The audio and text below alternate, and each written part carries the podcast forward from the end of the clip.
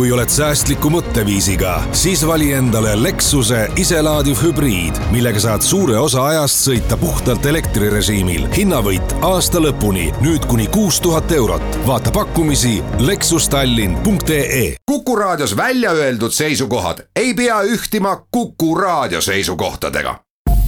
Te kuulate Kuku raadiot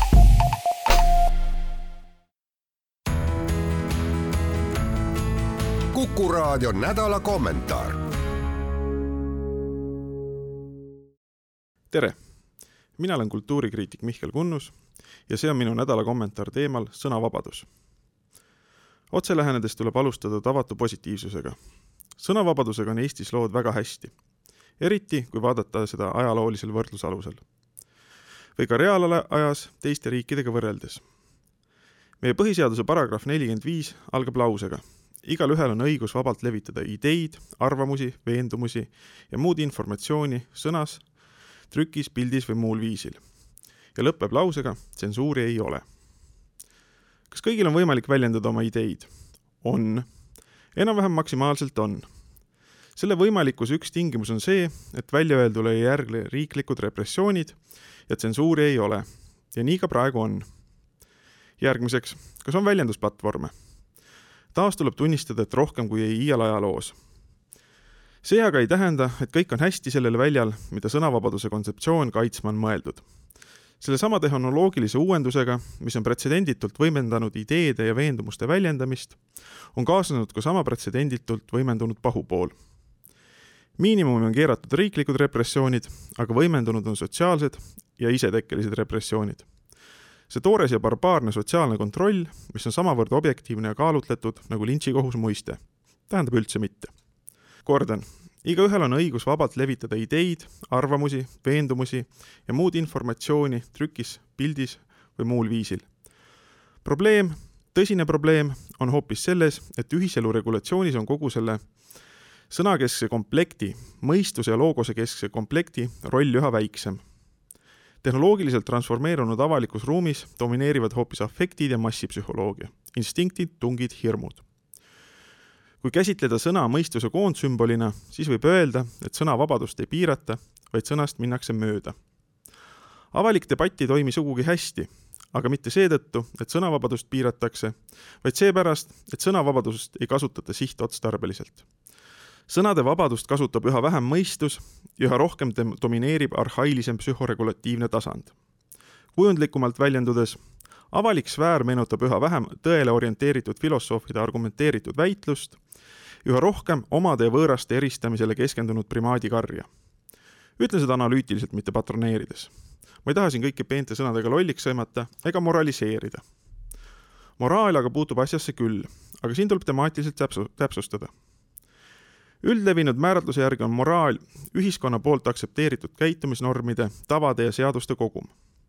ühiskondliku sidususe ja sotsiaalse õdususe seisukohalt on ühise moraali miinimum ülioluline. ometi sellest ei piisa. on ka sügavam sisim veendumus ja äratundmine, mis on õige. see on südametunnistuse hääl, mis võib ühiskondlike tavade ja harjumustega selgesse vastuollu sattuda umbes nii, nagu Lev Tolstoi meenutab oma moraalset vapustust, kui nägi pealt toona nii tavalist traditsioonilist surmanuhtlust siis on veel valdkonna ja tsunfti-sisesed moraalid, moraalikoodeksid ja kutseeetikad. olgu siis arsti või sõduri või ajakirjaniku. mis peaks olema sõnavabaduse kasutaja keskne moraalne imperatiiv? arvan, et see on väljendatav üsna lihtsalt. sa ei tohi valetada.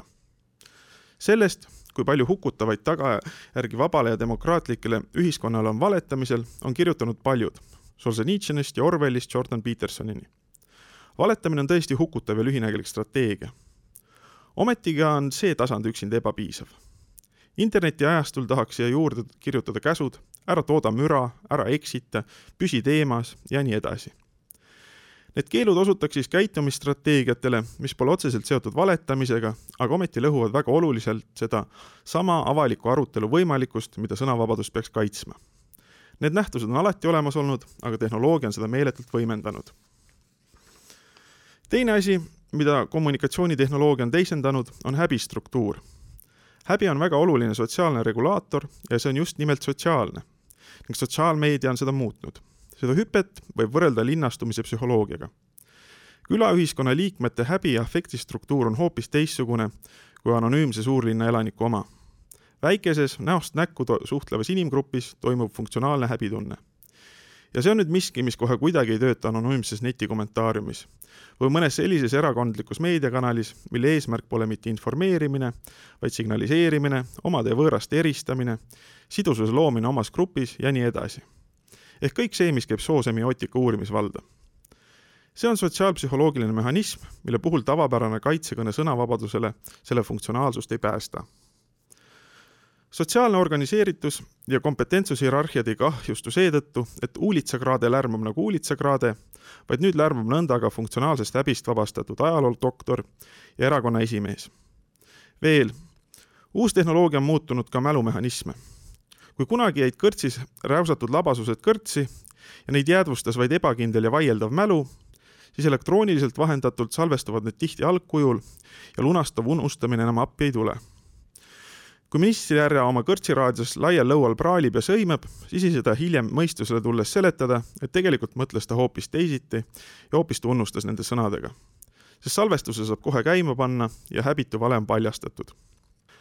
Voltaire olla öelnud, ma ei ole nõus sellega, mida sa ütlesid, aga ma olen valmis surema sinu õiguse eest seda öelda seda aatelist hüüatust on õige raske kohandada inimestele, kes ei austa tõde.